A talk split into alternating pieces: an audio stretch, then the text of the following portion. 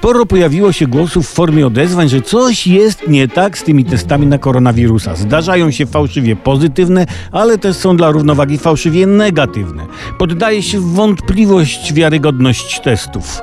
Kiedyś jedna pani, która chciała zatrudnić 15 obywateli Ukrainy, musiała przesłać ich wymazy do badania. A se powiedziała, co będę się wysilać i wysłała 15 próbek własnego wymazu.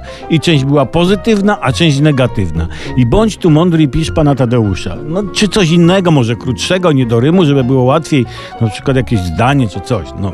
Dlatego lekarze pierwszego kontaktu, tu wracam do testów, dostali zalecenie, żeby nie każdego podejrzanego kierować na wymazy, żeby zminimalizować ilość błędów. A ludzie chcą sobie robić testy na covid -a. No i słuchajcie, jest taki szybki test. Wiadomo, że zakażeni tracą węch i smak. No więc nalewasz sobie kielonek wódki, szklaneczkę, jak chcesz być mega pewny, i wąchasz. Czujesz zapach wódki? Znaczy węch jest. To dobrze. Kontynuujesz test i wychylasz kielonek. Czujesz smak? Dobrze. Test warto powtórzyć kilkakrotnie. Może się tak zdarzyć, że kiedy się obudzisz, masz objawy COVID-u. Wtedy wykonujesz test jeszcze raz, aby się upewnić. I tak dalej, i tak dalej.